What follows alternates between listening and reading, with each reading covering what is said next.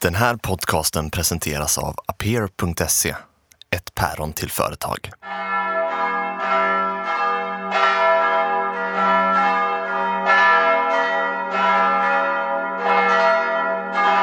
Varmt välkomna till ett nytt avsnitt. Vi bedriver fältstudier idag. Eh, Jag är Emanuel. Jag heter alltså Andreas Ekström. Eh, Vid min sida är Emanuel Karlsten. Vi befinner oss på landet i Sörmland hos eh, Ylva Eggehorn.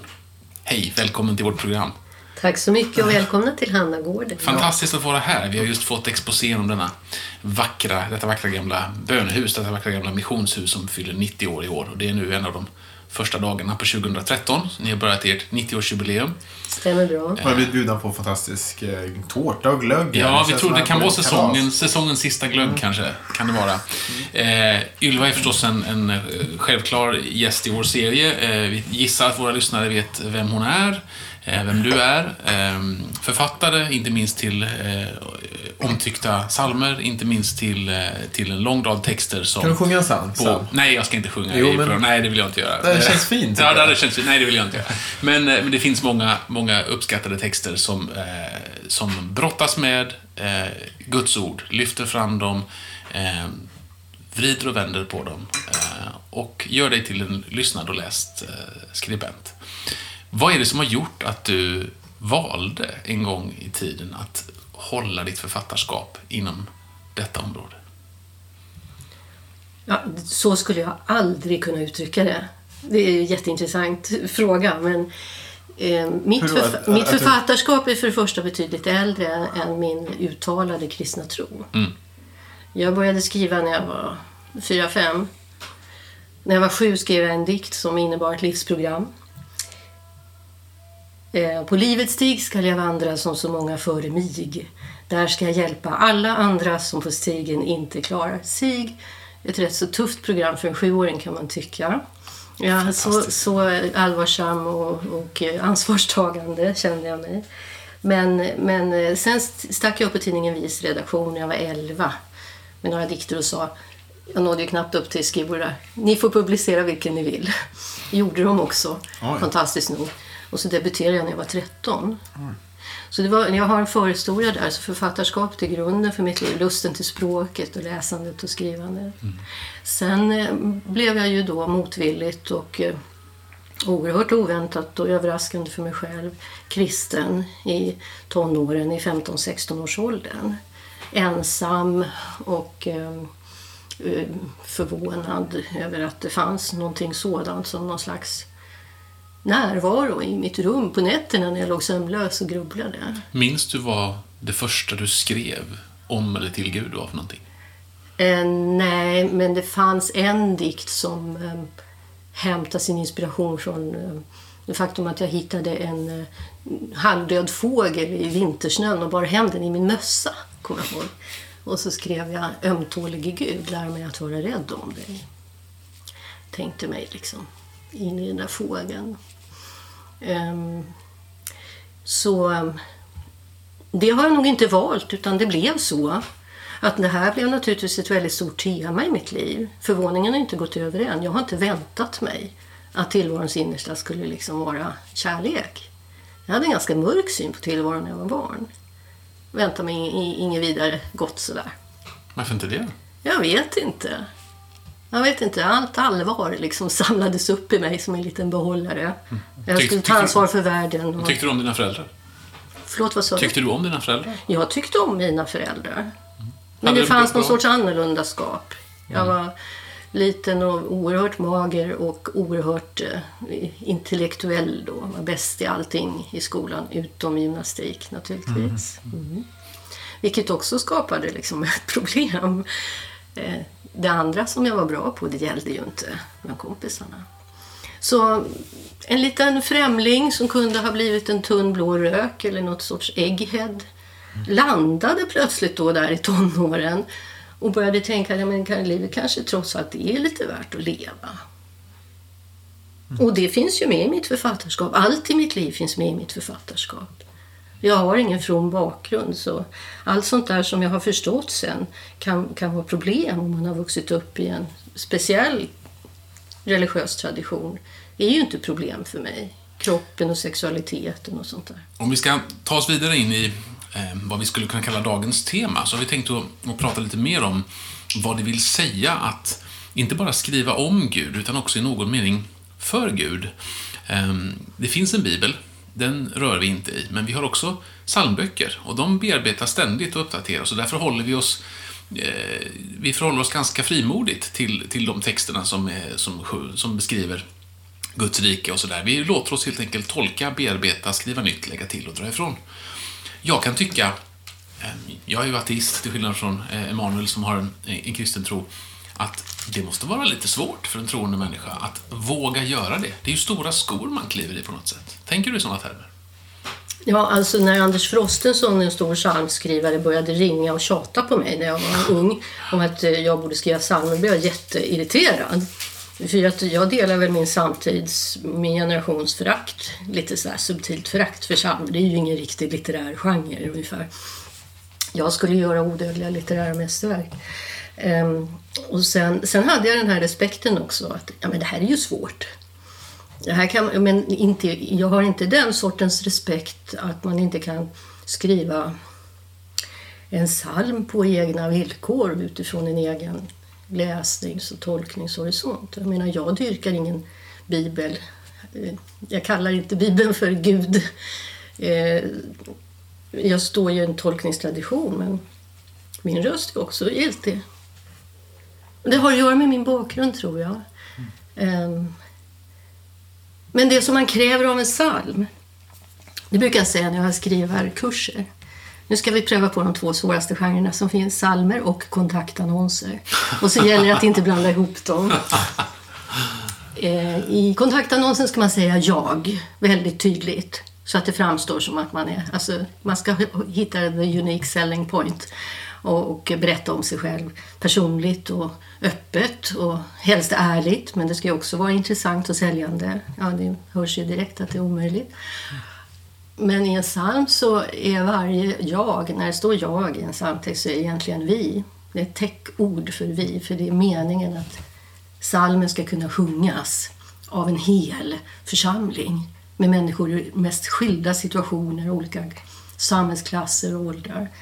Ehm, den ska vara inkluderande och det är en kollektiv genre en av de få vi har. Mm. Men ändå måste den vara så specifik så att den berör. Den ska vara specifik så att den berör och där ligger den konstnärliga halten. Sen ska den också stå, tycker jag, i förbindelse med någon sorts tradition och, och ha lite loddjup också. Mm.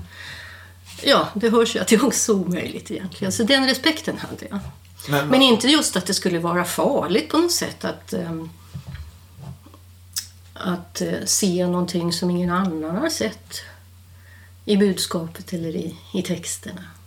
Hur många, har skrivit, hur många psalmer har du skrivit? Ja, jag törs inte tänka på det, men jag tror att det är mellan 20 och 30, men en del då i mm. översättningen också. Vilken skulle du säga är du mest nöjd med? Det var inte så enkelt. Mm. Innan gryningen är jag nog kanske mest nöjd med. Den är ju den så kallade millenniesalmen som jag gjorde tillsammans med Benny Andersson. Och den handlar ju om den Jesus som kyrkan inte har monopol på.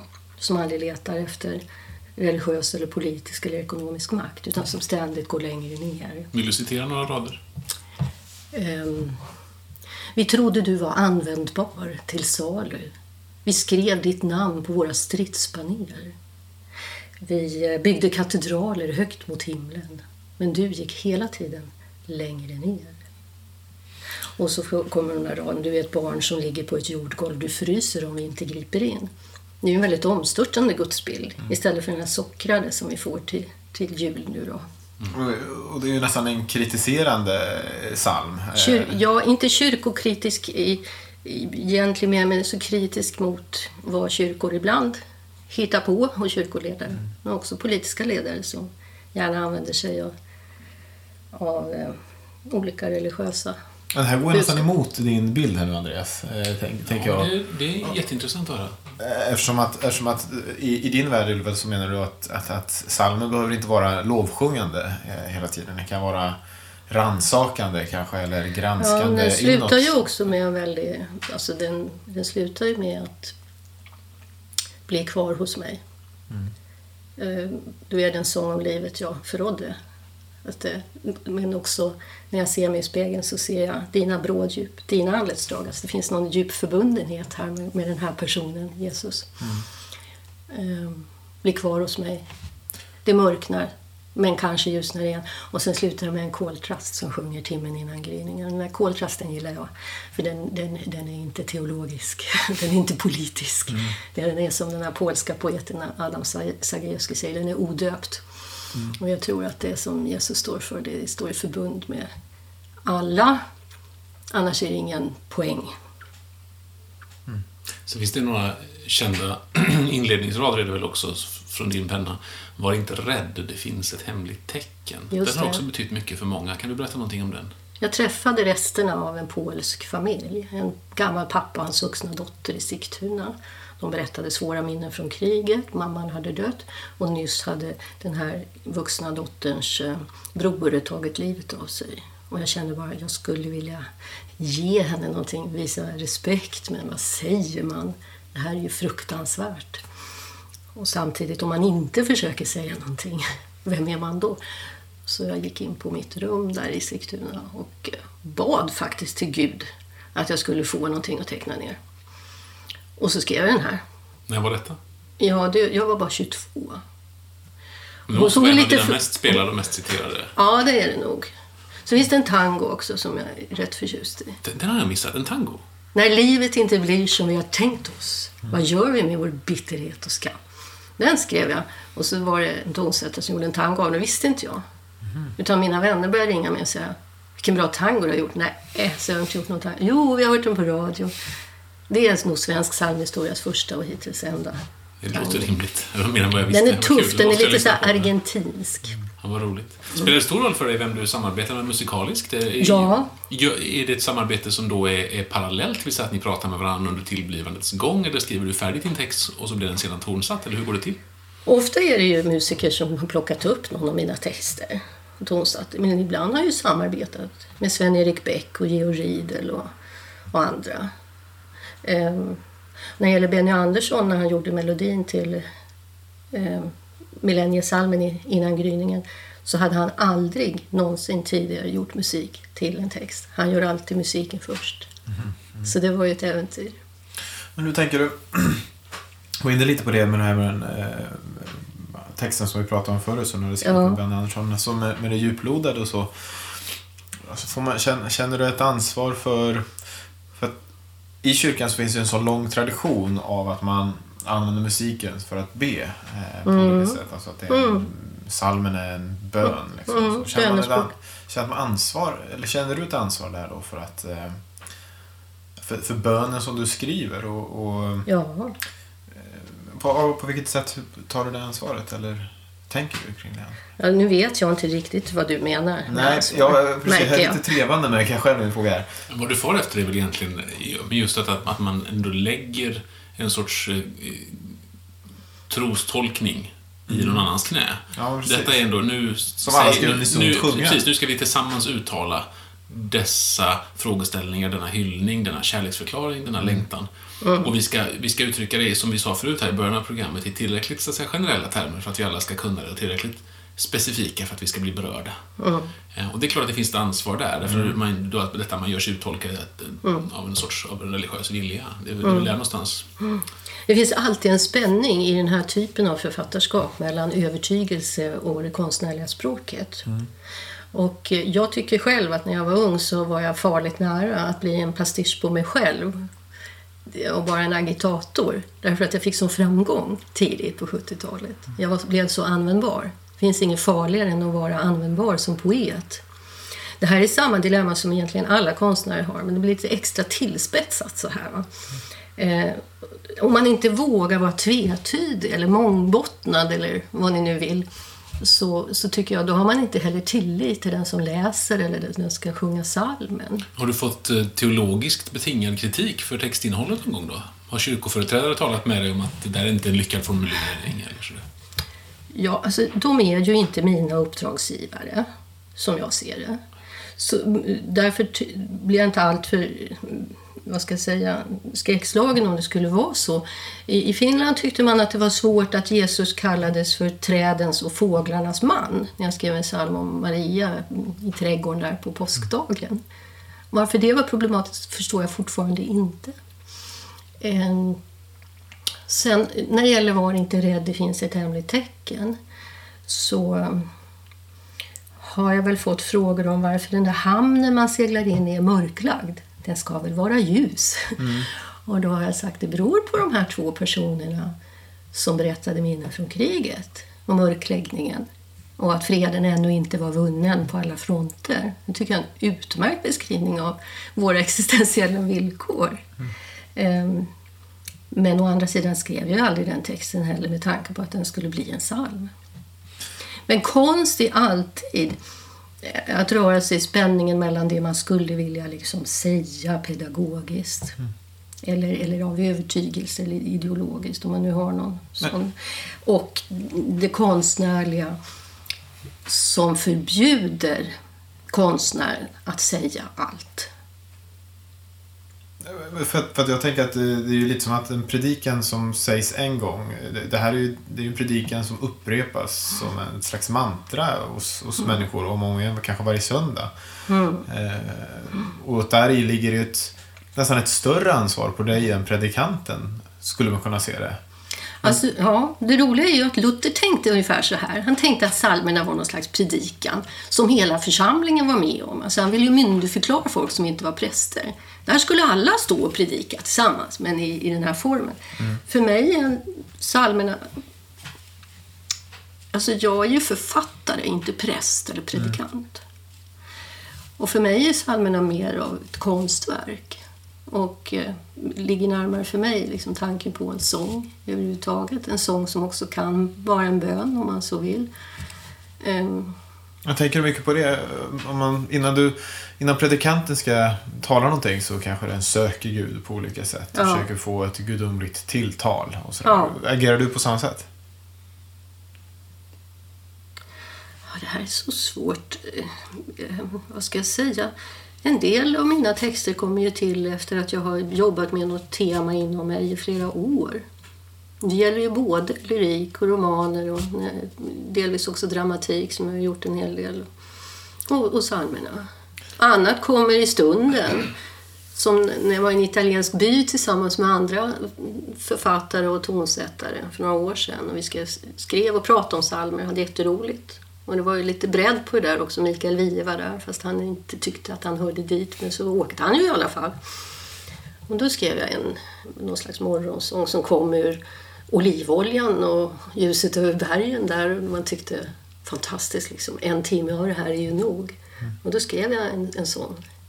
Eh, att andra talar om en himmel och en lovsång och är det sant så är det underbart. Men för mig om det bara skulle vara en timme den här morgonen tillsammans med dig då. Mm. Det räcker det. I fallet med, med alla författarskap så är jag alltid nyfiken på metod, på balansen ja, mellan, ja, mm. mellan vad vi slarvigt brukar kalla gudomlig inspiration och ja. vanligt hårt arbete. Och det är särskilt intressant, tycker jag, i ditt fall. Därför att mm. man då, mm. eh, en troende person kan ju anta att du i bästa fall besjälas på något sätt av, av Gud eller Guds närvaro när du skriver någonting som ska bli en psalm. Eh, andra människor mer profant lagda som jag vet ju att eh, sittfläsk är ett underskattat redskap för att få till en bra text. Absolut, och gott hantverk ska man aldrig underskatta. Så, jag, så kan min, jag kan mina redskap. Jag har läst sedan jag var fyra. Jag läste mig igenom hela världslitteraturen nästan upp till jag var 12-13. Jag har en väldigt gedigen bakgrund. Jag har litteraturstudier och teologistudier bakom mig. Och eh, det, det finns ingenting som inte är, är liksom tillräckligt fint i det, tycker jag. Eh, det pågår ju hela tiden en process inom mig som är någon slags eh, språklig existentiell verkstad. Där jag bearbetar olika teman. Och sen någon gång så händer det, som i det här fallet med texten Var inte rädd, att det bara flyter ur pennan så att säga. Skriver du på regelbundna tider? Så fort jag får vara i fred så skriver jag. Ja, det är så? Ja. Och då kan det ske alla tider, på dygn, alla tider på dygnet? ja, jag måste, jag måste vara i fred. Och jag kan disciplinera mig. Jag har ju haft större projekt på gång med roman, en roman är ju till exempel ett rätt stort bygge. En pjäs, den ska vara klar i tid för repetition, regi och, och liksom till föreställningen går igång. Så att, eh, Men, jag skriver mycket. Jag har skrivit mycket dagbok under årens lopp. Det är ett väldigt bra sätt att träna upp sitt eget språk, tycker jag. Men är det så att du, nu ska jag bestämma, nu ska jag göra en psalm här, nu ska jag skriva en bok. Har du olika... Hur, hur vet man när en psalm är på gång? No, det, jag använder mig nog där av en kombination av hantverksskicklighet. Alltså jag gillar ju versmått. Jag älskade det när jag gick i skolan. Jag är ju helklassiker då och läste latin och grekiska. Så här, lät som gamla poeterna, Horatius och Sappho och de där.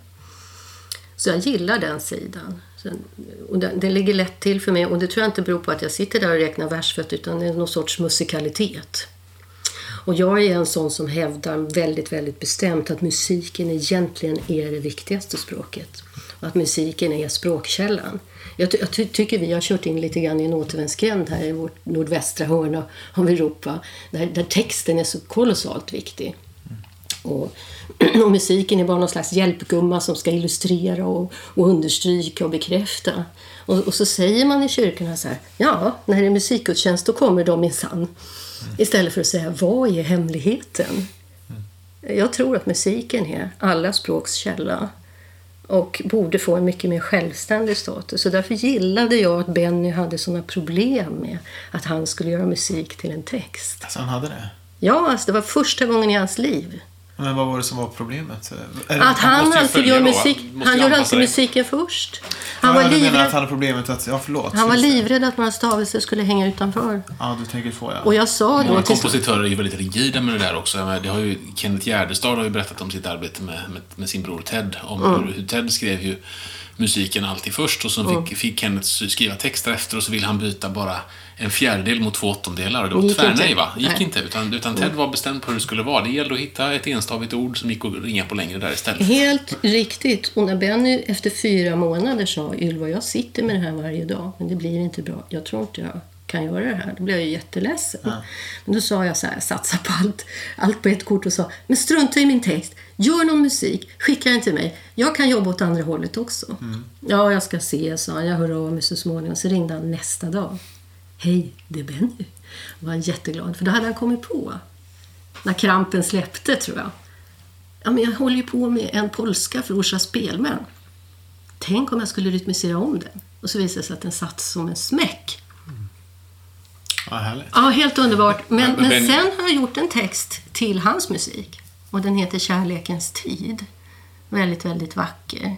Som finns med i psalmer i 2000-talet. Men som egentligen var med i Roy Anderssons film från början. Sånger från andra våningen.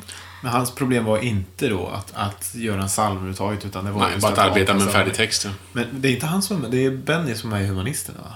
Nej, det är, Det är det är Björn. Björn Ulvaeus som är med Björn, humanisterna. ja. Ja, precis. Björn Så, humanist. så, alltihop. jag vet inte vilken, vilken eh, trosuppfattning Benny har, eller, eller om någon. Jag skulle Benny Andersson har ju beskrivit... fråga. Nej, nej, jag vet faktiskt inte.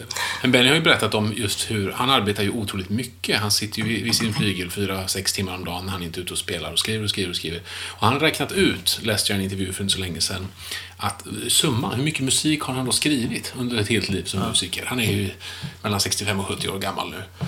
Och han räknar ut att han har skrivit ungefär 20 minuter musik om året. 20 minuter? 20 minuter musik om året. Det, är väldigt, det det, det låter inte så mycket va? Passerat hans stränga filter. Det, ja, precis. Det är vad han har släppt ur sig då under, så att säga, vad kan det handla om, 45 år. Så här, 45 år gånger 20 minuter, ungefär, om det, var- om nu är min siffra precis rätt. Men en förvånansvärt liten siffra ställt i relation till hur enträget, enträget han arbetar. Det är intressant att sånt får spridning, tycker jag, så att man får en, en genuin uppskattning av vad det vill säga, att kunna behärska den typen av hantverk, som ibland tycker jag är lite slarvigt, och det gäller ju sånt som du gör också.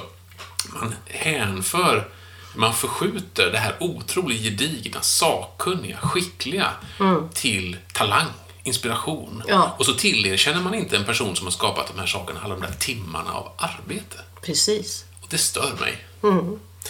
Framför- Det är ju väldigt fascinerande för det innebär att nästan varje grej som man släppt ifrån sig måste blivit en hit. Ja, visst. Det är vansinnigt. vansinnigt. Det är väldigt speciellt. Men jag tänkte vara inne på det som du pratade där lite tidigare om Ylva, med här med musikens betydelse, eller melodins betydelse. Ja. Jag tycker att i den frikyrkotradition som jag tillhör, så, eh, och kanske ja, men, under 90-talet framförallt, och, och sedan dess? Har, har det verkligen fått en mycket större betydelse, melodierna och, och texten har nästan, den har liksom fallit bort. Det, har, liksom- det, har, det, har, det har varit väldigt eh, samma, mycket ord som återkommer och, och det som man kallar lovsång för att särskilja från salmer eh, har varit ja, enstaka meningar som har vevats om och om igen till till eh, suggestiv musik på något, på något sätt. Liksom Mm. medryckande. Eller, Entertainment, underhållning. Eh, ser du Det på det så? väldigt, ja, det kan bli så.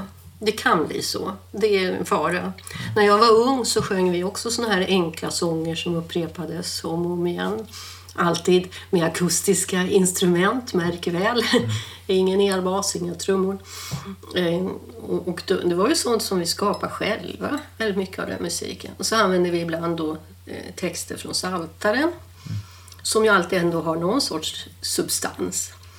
Eh, Men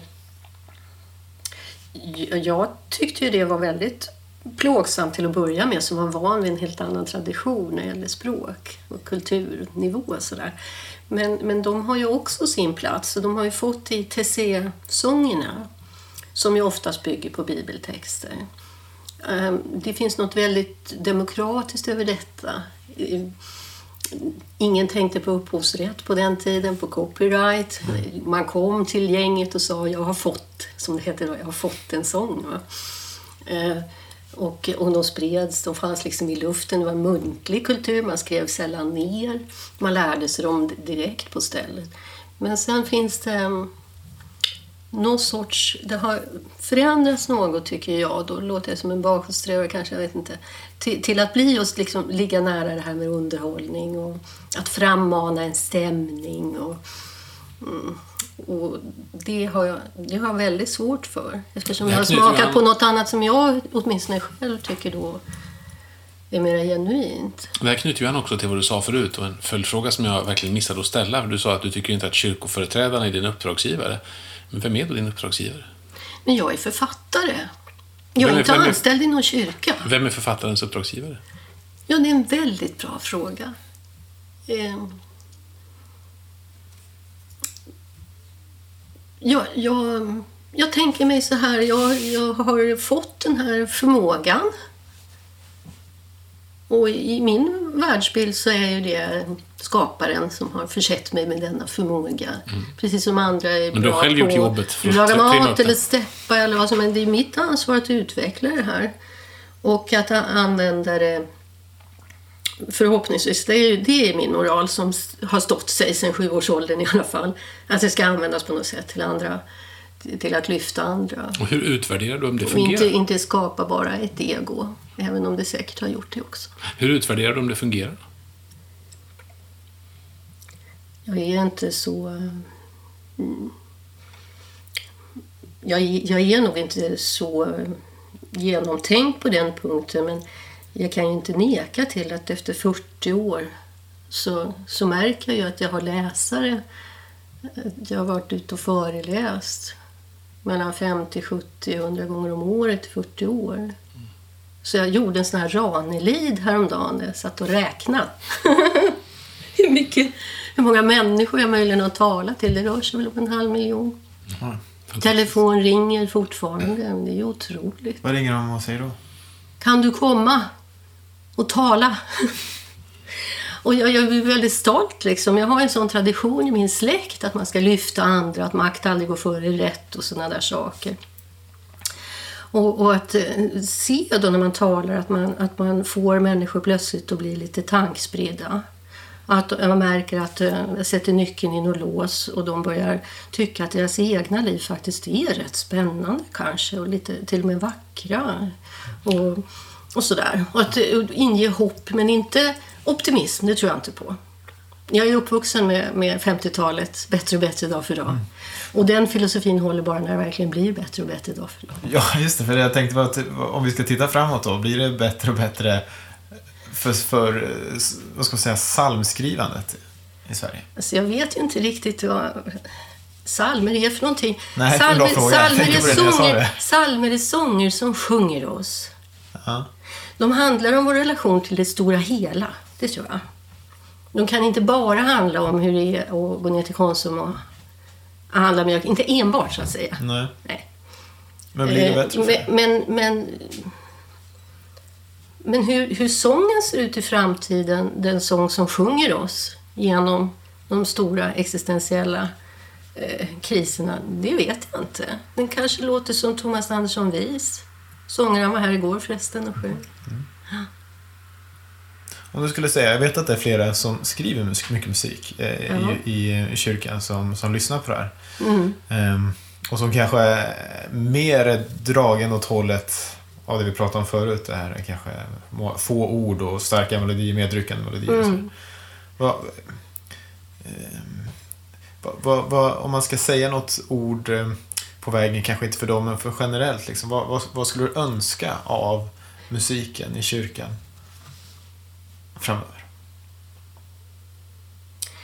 Jag skulle eh, önska att, eh, att man gav rum för någonting som överskrider det är ju för sig mycket värdefulla med social gemenskap. Rum för ett gammalt vackert ord, tillbedjan. Där alltså jag inte själv eh, eh är i min egen blick. Eh, eh, mycket av det jag hör idag som kallas lovsång tycker jag är en spegelsal. När man står och liksom tittar på sig själv och lyssnar på sig själv tillsammans med de andra. Titta vad härligt vi har det. Och eh, det finns ingenting som stöter bort människor så mycket som att få se andra som står och kramas. Alltså det, det är väldigt exkluderande. Man tror att det är varmt, va? men det är det inte. Men att, att öppna sitt hjärta för det stora hela och liksom kliva ut ett ögonblick ur, ur den här världen av speglar som vi lever i. Värderande blickar. Hur tar jag mig ut nu? Eh, Titta på Facebook bara. Det är ju liksom det stora spegelgalleriet. Och sen istället möta blicken från det stora hela. Det kan man ju göra. Det tror jag människor känner av när de är under stjärnhimlen eller i skogen eller vid stranden. Så alla vet vad man pratar om när jag säger det här, tror jag. Alltså, den erfarenhet som vi, speciellt i det här landet, har av den första dagen då vårsolen värmer. Man går genom stan och, och man vore främling va? Och så ser man folk som står och lutar sig mot väggar och, Och ler, upp. och sen så när någon passerar så tittar de upp och så ler de mot varandra. Vad är det här? Jo, det är ett ögonblick där jag inte behöver betala för mig. Där låter livet komma och vara, vara liksom precis som det är. Va? Det är tillbedjan. Och Då är jag inte upptagen av vem jag själv är eller andra. Jämförelserna upphör. Det skulle jag önska. En plats där musiken och sången får vara en fristad där jämförelserna upphör och där jag själv liksom får ta emot. Um, vilket är ganska hotfullt tror i, i, i ett samhälle där man alltid måste betala för sig. Bara ta emot eh, eh den här villkorslösa kärleken. Jag som ateist har i alla fall som eh, nyårslöfte att jag ska njuta mer av eh, salmer under det nya året. För Wow. Jag tycker väldigt mycket om salmer har jag konstaterat. Jag tycker, det har jag alltid vetat, men jag har verkligen insett att när jag skulle svara på frågan vilken är din favoritsalm häromdagen så, så insåg jag att jag hade en sån bukett av alternativ. Jag valde till slut Dagen är kommen, men... men eh, Vad jag- valde du, du? Dagen är kommen. Ja, en av de äldsta. Ja, men därför att den är musikaliskt ojämförligt fantastisk. Venite adoremus. Alltså, den är, och den är översatt till hur många språk som helst och sjungen och älskad över hela världen. Och den är... Den är ehm, Det finns några, jag, menar, jag är ju lite musiknörd också, så det finns Ja. liksom mus- musikaliska teknikaliteter i den som går rakt in i mig. Alltså. Ja, men helt sant. Så att den är bara rent musikaliskt, den är helt vettlöst fantastisk. Men det finns många andra också. Men jag, jag, ska, jag ska njuta mer av det. Jag ska, jag ska lyssna mer på, på svenska och, och andra psalmer i år. För, för musikens skull, som en början i alla fall. Så bra. För jag tror nämligen vi har kört fast i den här debatten om tro och vetande eller tro eller inte tro. Vi har kört fast i någon slags kognitiv fälla. Va? Vad kan man veta om det här? Ja, om man inte kan veta, och somliga säger jo men jag vet. Ja, men det är inte, det är inte vetenskaplig kunskap. Men musiken, den säger någonting annat. Och det skriver Thomas Tranströmer ofta om också. Musiken säger någonting annat och det kanske är ett bättre rum att vistas i. tänker jag.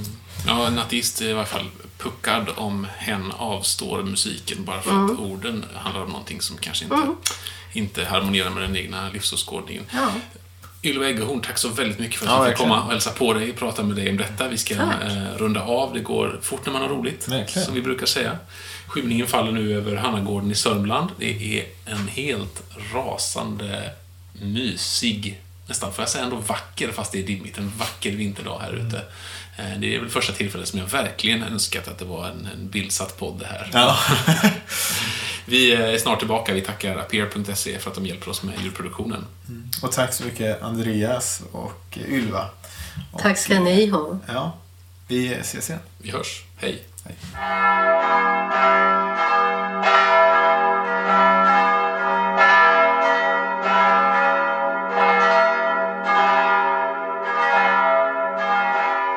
Här podcasten presenteras av Aper.se, ett päron till företag.